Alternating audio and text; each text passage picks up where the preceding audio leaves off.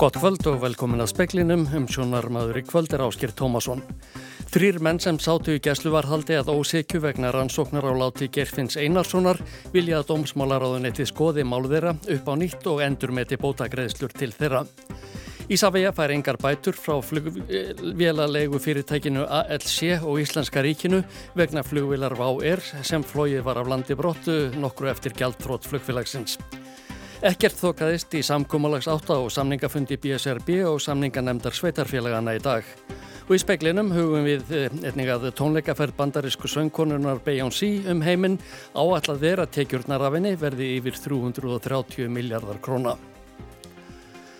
Þrýr menn sem sátu saklausir í gæslu varhaldi vegna rannsóknar á kvarfi Gerfinns Einarssonar á 8. áratugnum lýsa förðu sinni á að forsprakki þess að þeir voru ránglega bendlaðir við kvarf Gerfinns skuli fá sérstaka afsökunarbeðinni og 20 miljónir króna úr ríkisjóði.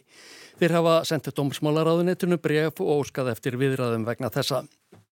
Þremenningarnir eru Magnús Leopoldsson, Einar Gunnar Bollarsson og Valdemar Olsen.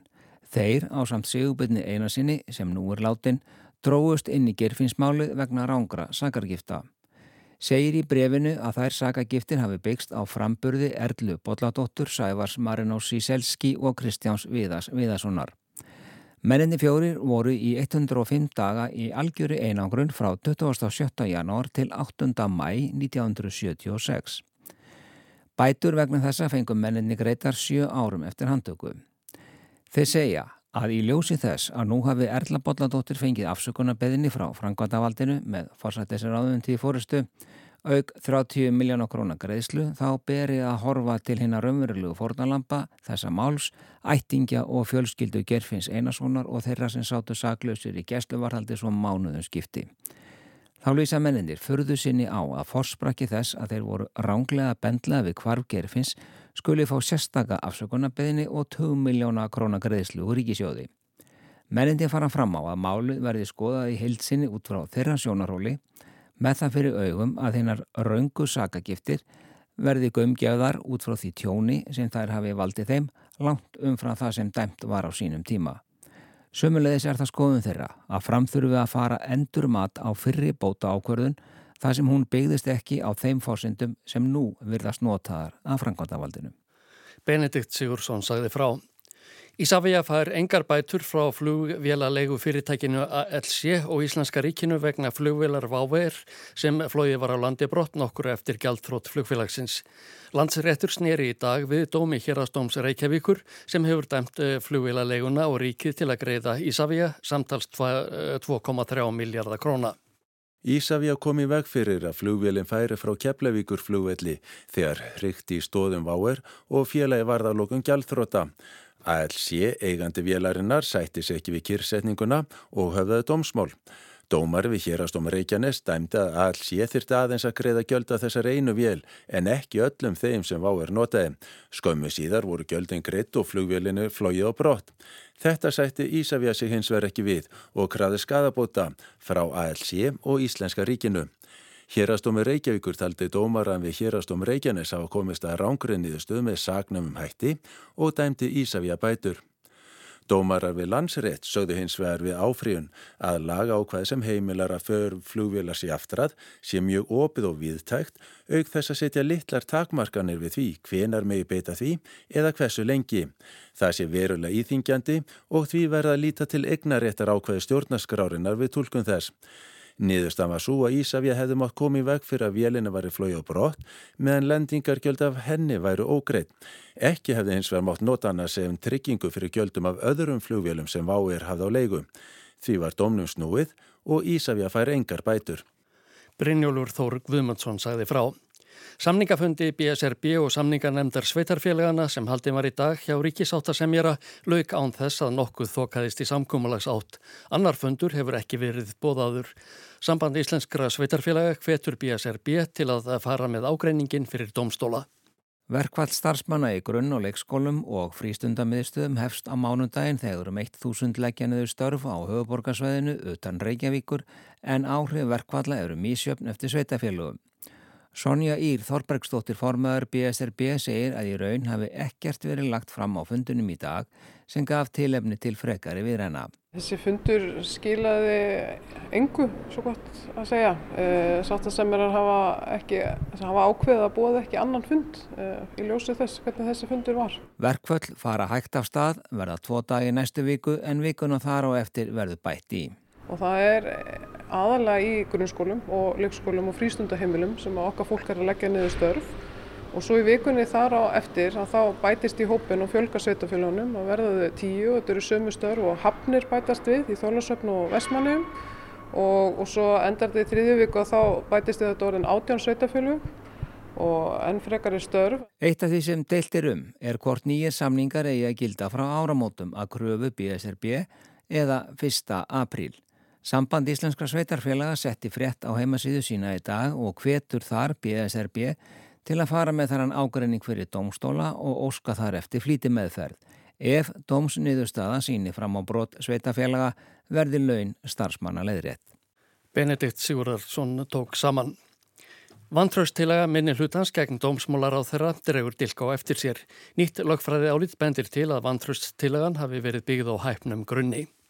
Morgunblæði greindi frá því í dag að lögfræði álit lögfræði dildar Háskóla Íslands hefði komist að þeirri nýðustuðu að ekki hafi verið rétt af alþingi að beita 51. grein laga um þingsköp alþingis þegar óskafar eftir umsöknum stjórnvalda í tilefnaf umsóknum um meitingu ríkisborgarréttar. Í grunninn snýrst málið um að þingmenn minni hlutans lögðu fram vantraust tillögu að hendur Jóni Gunnarsinni, dómsmálaráð þeirra í lok mars síðastliðin á grundvalli þessara greinar var það hlut af harðvítur í deilu þar sem þingmennir sótust eftir upplýsingum frá útlendingastofnun til að klára umfjöllum um umsóknir um ríkisborgarrétt. Eitt þeirra sem hefur verið í eldlínum málsins er Ardís Anna Kristínadóttir Gunnarsdóttir, þingmaður Pírata. Og hann notar þarna, hann tólkar þarna þetta álit og einmitt oftúlkar það, mati höfundar, til þess að halda því fram að hans ákvörðun um það hvernig allþingi á að vinna sé einhvern veginn lögmætt það er allþingi sem ákveður hvernig það vinnur. Ardís vísar þannig viðtal við Hafstein Þór Haugsson, dósindi lögfræði og annan höfundar lögfræði álitsins sem sagði viðtali við vísi með þeim fyrirvara hann hafði ekki lesið viðtali morgunblæðsins við ráþeran að áliti tæki einungis til starfa alþingis og umrættrar lagagreinar. Ráþeran saði minni hlutan hafa byggt vandriðstilugun á miskilningi.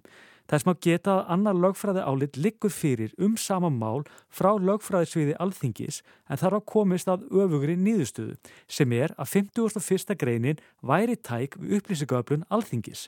Spurð hvað Ardísi finnst um lögfræði álitið og viðbröð ráþerans svaraði hún einfallega. Mér finnst fyrst og fyrst tryggilegt hvað ráþera virðist bera litla virðingu fyrir alþingi í sínu störfu.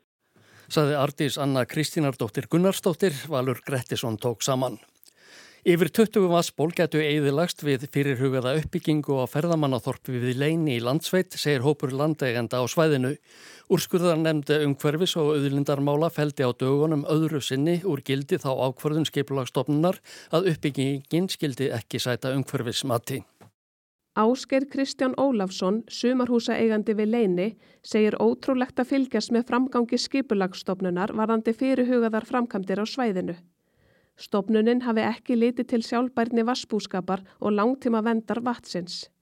Ef 300 manna ferðamannaþorp verði byggt á svæðinu eigi stæstu vassból í rángárþingi ytra, keraugað og lækjarbotnaveita á hættu að skemmast. Hann segir framgöngu sveitafélagsins í málinu skjóta skökku við. Fulltrúar þess hafi mælt með svæðinu undir verkefnið jafnvel þótt vatnafassrannsók sem gerð var árið 2017 hafi sínt að svæðið hendaði engan veginn fyrir slíkan rekstur að auki sé leinir nú skilgreint sem grannsvæði vassfendar.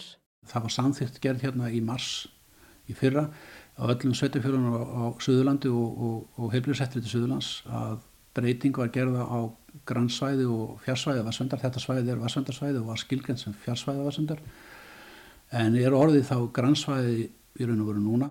Ásker segir að ef ólíuslis ætti sér stað er þið staðan grav alvarleg.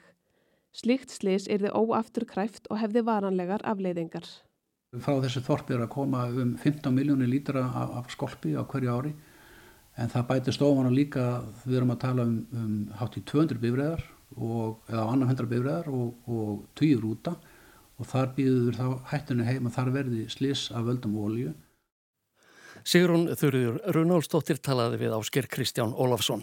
Þær fréttir bárust frá Brussel í vikunni að blóðtaka úr fylfullum hrissum hér á landi breyti gegn tilskipun Evróska efnahagsvæðisins um vernd dýra sem eru nótuð í vísindaskinni. Hvað þetta var það þá snýst þetta í raun og veru um það undir hvaða, hvers konar tilskipun þessi starfsemi fellur, hvort að þetta sé starfsemi sem er í vísindaskinni sem að Íslenska ríki hefur ekki talið þeirra heldur að þetta væri í raun og veru aðdunstarfsemi. Þannig að það er ákveðin ágreiningu bara skilgreiningu þessara starfsemi út af fyrir sig sagði Svandís Svavastóttir matvelar á þeirra í hátegisvettunum í dag. Ágreiningurinn liggi sem sagt í því hvort tilgangur blóðtökunar sé vísindalegur eða hvort þetta sé hrein og klár framleiðsla afurðarinnar sem blóðdýrana er. Íslensk yfirvöld vilja meina þetta sé framleiðsla og þá eigi umrætt tilskipun sem snýrað vernd dýra sem notu eru í vísindaskinni ekki við. Björn M. Sigur Jónsson, lektor við Dania Háskóla í Danmörku, segir það út úr snúning því reglugerðin sé skýr. Það sem að ESA fer mjög rækir á gegnum og raukstuð mjög vel er markmið þessar reglugjörðar og markmið er að hætta að nota dýr, lifandi dýr í vísindarlegum tilgangi við framleyslu eða tilumnir að prófa nörlefjum eða afleita framleyslu lifja. Um, það er markmiðið með þessar reglum. Stjórnvöld á Íslandi takist því áum það við ESA hvort reglugerðin eigi aðeins við um tilraunir þar sem afurðin er ekki komin á markað. Á Íslandi er blóðhrissana notað til framleiðslu á frjósemislifi fyrir önnur spendýr. Hrissunar eru látnar ganga með fólöld því þá framleiða þær hormónið ECG sem kallar fram eglós hjá dýrónum. Alltaf 40 lítrar af blóði eru teknar úr fylfullum og mjölkandi merum á áttaveikna tímabili og selt til livjaframleyslunar. Því er ekki um eiginlegar tilraunir að ræða, heldur framleyslu á afurð, en tólkunaratriði hvort það sé gert í vísindaskinni. Björn segir það þó ekki eiga að skipta máli. Og ESA útskýrði það mjög vel að þessi reglikar eigi líka að ná yfir lifandi dýr sem eru notið til þess að framleiða líf eða, eða eitthvað slikt og það er eitthvað sem að Íslandski yfirvöld hafa gert aldrei mikið í að, að, að vísa frá. Það er að segja þau er einnig að forðast það að þessari reglu gerð sér beitt á sérstaklega þetta, þetta blóðmjöra aðtæmi. En hvaða þýðingu hefur þessi niðurstaða ESA? Þetta hefur mjög myndla þýðingu. Núna hefur ESA kveðið upp um þetta að þessi reglu gerð nái yfir blóðmjöraðnar yfir þetta mál og það hefur í formið sér að það þarf, ef að ríkið fer þá eftir þeim tilmælum eða virður þessa ámenningu að þá þýður það að þeir sem að stunda þessa starfsemi þurfa að sækja um leiði samkvæmt skýliðum reglugjörðar 460 frá 2017. Sem er innleiðing á þessum reglum um nótkun levandi dýra í vísinda og tilrunastarfsemi. Takir stjórnvöld það til greina, segir Björn Þýðið að að öllum líkindum endalók blóðmerahalds hér á landi. Ríki stendur fram fyrir því að vera að fara eftir þessu áliti sem er mjög vel raukstutt og mjög, mjög vel ígrundað og að mjög líklegt að eftir dómstoflun taki það til greina og, og, og hérna, mjög, mjög ólíklegt að eftir dómstoflun fari gegn þessu áliti ef að ríkið hlýður þessu þá er nýðustafan svo að þessu sjálfhægt. Því fari ríkið eftir umrætri reglugerð þurfa blóðmera bændur að sækja aftur um leifi á grundvelli hennar sem er afar ólíklegt að þeir fái. Sambærilegt hormón því sem sóst er eftir úr blóði risana er nefnilega hægt að framleiða án aðkomu lifandi dýra og reglugerðin tekur fyrir að lifandi dýr séu nótuð í vísendalegum tilgangi þegar að hægt er að komast hjá því. Svandi Svavastóttir, matvelar á þeirra, segir í samtali við Sunnu Karin Sigurþórsdóttur, fréttamann, alvanalegt að ESA komi með ábendingar og ráðuniti hennar fari nú yfir það hvernig stjórnvöld komi til með að svara þessu. Þeim er gefinn tveggja mánada frestur til þess. Eh, en varðandi þessa starfsemi út af fyrir sig að þá auðvitað skiptir máli dýravelferðin og, og ég hef farið uh, í saumana á því að þrengja reglugerðina og skilirðin utan með þessa starfsemi en líka það að, að tryggja það að fari fram sérstökransókn á velferð þessara dýra. Uh, niðurstöðan á uh, þeirri útæktleikur fyrir uh, næsta haust. Og ég býði auðvitað líka eftir því en, en hvað var það þessi samskipti við ESA þá er, þá er þetta eitthvað sem að fer bara sína leið í farveg milli Íslands og, og eftirlistofnunum hennar. En skilir þetta blóðum er að hald svoru þrengt á síðasta ári og starfsemi lefið til þryggja ára. Um, á að fara í frekari vinnu núna þegar þetta likur fyrir? Uh, reglugerðin gildir í tildekinn tíma eins og þú bendir á en á meðan hún er í gildi þá erum við að, við að okkur nýjum upplýsingum uh, sem að meta í raun og vera áhrifin á þessar hrissur um, dýra velferð er uh, mér mikið hjartansmál og ég hef lagt mikla áherslu á þau mál í minni vinnu og ekki síst hvað var þessar starfsmið En býstu við að bregðast eitthvað frekar við þessu? Að þrengja skilirinn enn frekar eða jafnvel bara alfarið eh, banna þessa starfsemi núna þegar þetta er komið fram? Sko eins og ég segi þá er þetta algjörlega aðskilin mál. Eh, þarna eru við í raun og veru með þennan ágreininga millir Íslenska ríkisins og, og eftirlistofnunarinnar um það hvers eðli starfsemin er, uh, hvort að þetta er í vísindaskynni eða hvort að þetta er uh, hefbundin atvinnustarfsemi. Uh, eða, já, og, og, það, og undir hvaða tilskipun þar með eða reglugjörð starfseminn fellur. Uh, hins vegar er það hvernig við viljum uh, viðhafa þessa starfsemi á Íslandi og, og með hvaða hætti við viljum svona hvað ég segja binda þessa starfsemi skilirðum á, á, á Íslandi. Þetta var Svandvís Svavarsdóttir, Hafdís Helga Helgadóttir tók saman.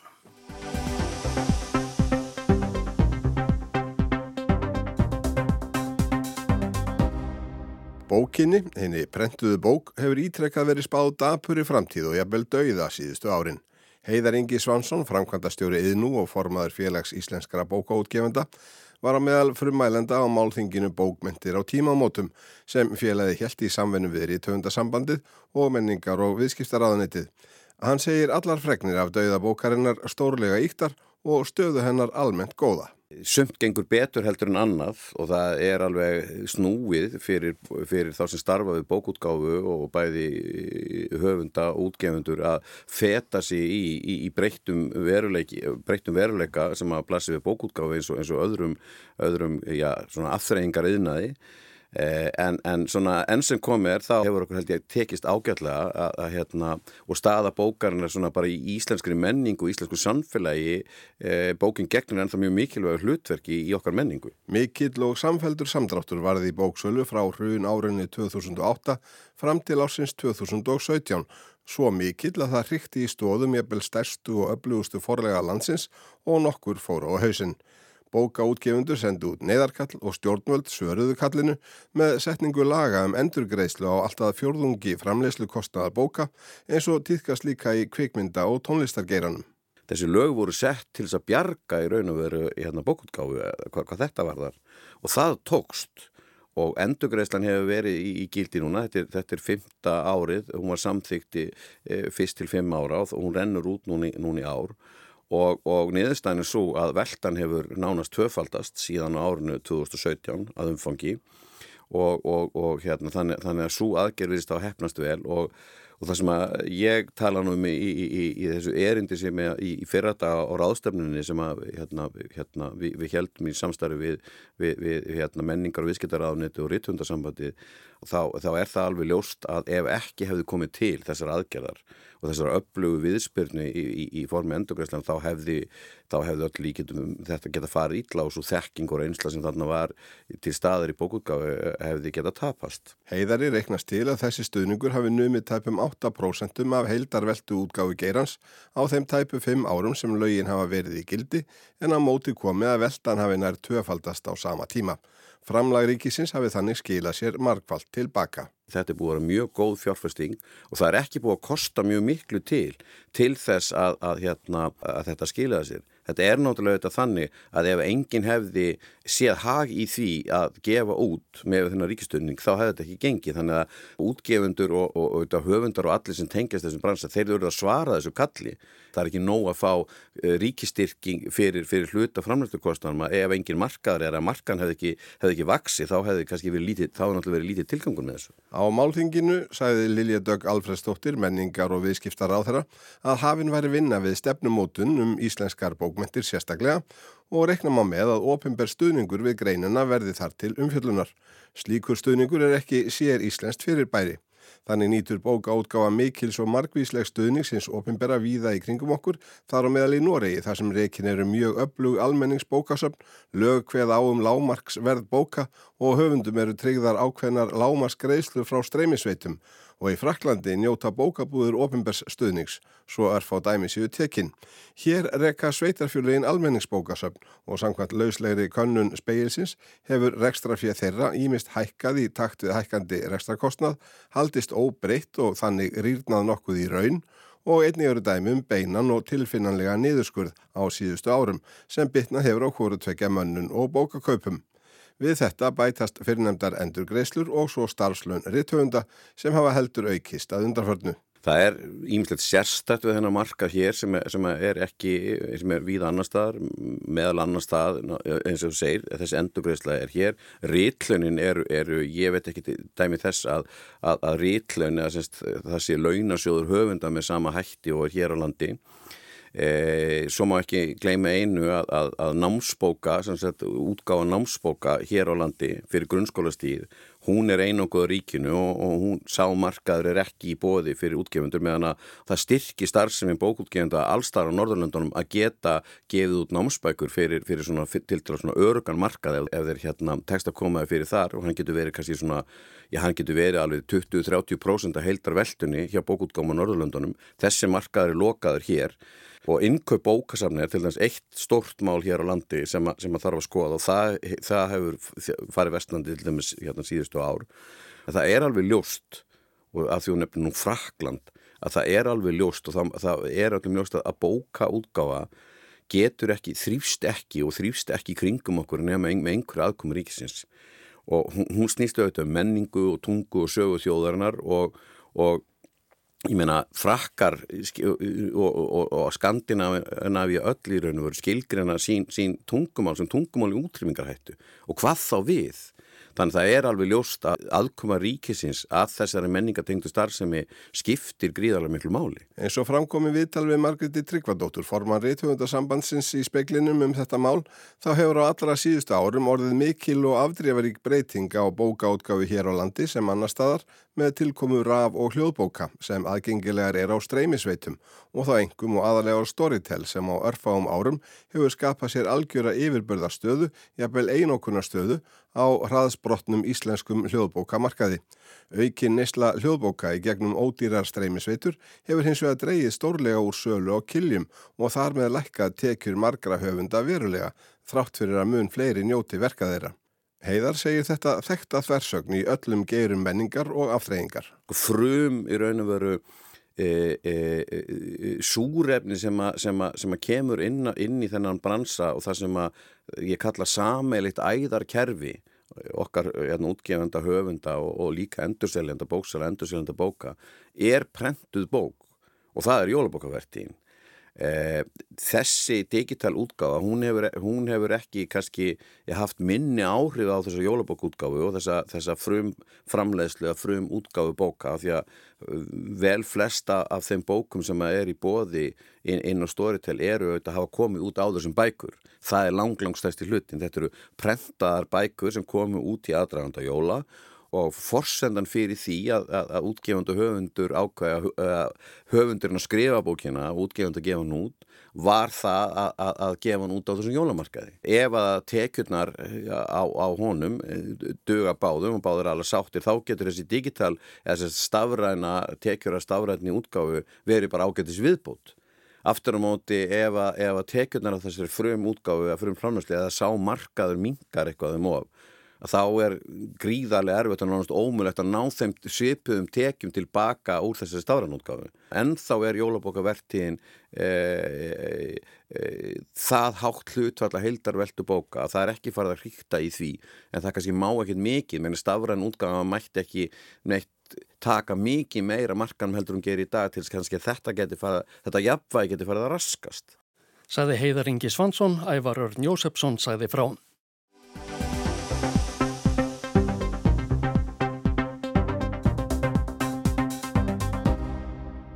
I'm feeling very excited. I've never seen Beyonce before. We're feeling great. We're about to see Queen Mother. Yeah, we are excited. It's gonna be amazing. It's yeah. gonna be amazing.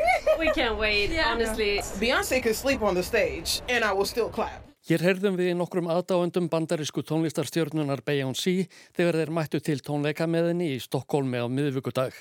Útsendarar sænska dagbladsins Expressen hittu aðalega á ennskumælandi tónleikagesti en það voru mörg þúsund komin langt að til að verða viðstött fyrstu tónleikastjörnunar í fyrstu heimferðanar í sjö ár, The Renaissance World Tour. Gríðarleg eftirspurn er eftir aðgöngumiðum á tónleikana í ferðinni. Bandariskum aðdáendum hefur reynst erfitt að fá miða í heimalandinu mörgum hverjum og í sumund pilvikum eru þeir svo dýrir að fólk hefur reynlega ekki efni á þeim. Washington Post rætti við konu sem var búin að tryggja sér miða í Lundunum og áformaði að fara einni til Hollands og jafnvel víðar. Hún hvaðst óttast að renesansferðin erðu svo síðasta sem Beyoncé fer í og vildi því gera sér atbörðin sem eftirminnilegastan. Sem dæmi um vinsaldir Beyoncé má nefna að upphaflega stóð til að hún kemi fram á tvennum tónleikum í Lundunum. Þegar forsala hofst annan februar reyndu yfir 400.000 manns að kaupa miða. Á endanum var ákveðið að söngkonan kemi fram á 5 tónleikum á Tottenham Hotspur leikvanginum. Hann rúmar 62.850 gesti. Þegar er uppselt á þrenna tónleika og hratt selst á þá sem eftir eru. Farið svo að uppselt verði á alla eiga 3,1 miljón eftir að mæta á tónleika stjórnunar á þessum eina áfangastað hennar í Evrópu og Norður Ameríku. Þeir sem gerst þekka áætla að tekjur af reynisans tónleikaferðinni verði 2,4 miljardar dollara, það nefnur yfir 330 miljardum króna. Beyoncé kemur fram á 43 tónleikum sem þýðir að meðaltekjurnar eru hátt í 56 miljónir á hverjum og einum. Hljómleikaferðina fer söngkonan til að kynna nýjustu plötu sína, Renaissance, sem kom út síðastliðið sumar. Engin myndbönd hafa verið gefin út með lögum af plötunni, þannig að aðdáendurnir eru að sjá hana flytja þau í fyrsta sinn, það er að segja þeir sem eru svo hefnir að ná sér í miða á tónleikana. Beyoncé var á sviðinu í hátti þrjár klukkustundir á upphafstónleikonum í Stokkólmi á miðvíkudagskvöld og aftur í gerðkvöld. Hún flutti 37 lög, þar af öll 16 af nýju plötunni. Í umsögn Expressen segir að tónleikarnir hafi verið engu líkir. Söngkonan hafi farið með áhærendum út í geim, niður í hafdjúpin og út á dansskólfið svo að nokkuð sé nefnt. Best hafi hún þó verið þegar hún slakaði á og let sér næja að syngja. Blaðamadurinn Anders Dahlblom segist hafa verið orðin örmagna eftir að hafa fylst með Beyoncé um 170 mínútur. Slíkur hafi hraðin verið á sviðinu, örar sviðskiptingar, fataskipti söngkonunar og lög sem runnu saman í nánast eina held. Hann segir að Beyoncé hafi skiptum búninga sjösinnum, alla afar glæsilega, enda gerðir af heimsþektum hönnuðum flestir hverjir. Sviðsmunir voru einni af ymsutægi, meðal annars tveir robotar og skriðdreiki. Ella A sem BBC rætti við eftir tónleikana saðist hafa búist við miklu en þeir hafi verið enn betri en hún hafði gert sér í hugarlund. Það hafi verið einstöku upplifun þegar hátt í 50.000 áherendur sungu með í einum kór í hverju lagi sem flutt var um kvöldi.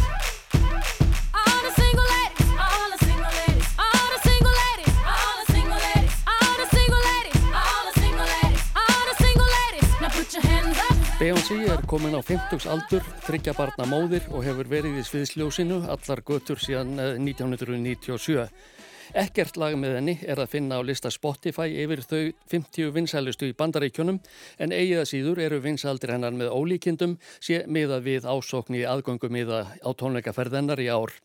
David Herley, tónlistarprofessor við Northeastern Háskólan í Boston telur að skýringi sé fyrst og fremst svo hver ferillennar er orðin langur. I think that Beyoncé just has a huge base whether or not she's relevant with uh, Spotify listeners, that's kind of a separate consideration. Ég tel að Beyoncé eigi risastóran hóp aðdáenda hvort sem hún er ábyrrandi á Spotify eða ekki. Slikt skiptir þá engu máli, sagði David Herley.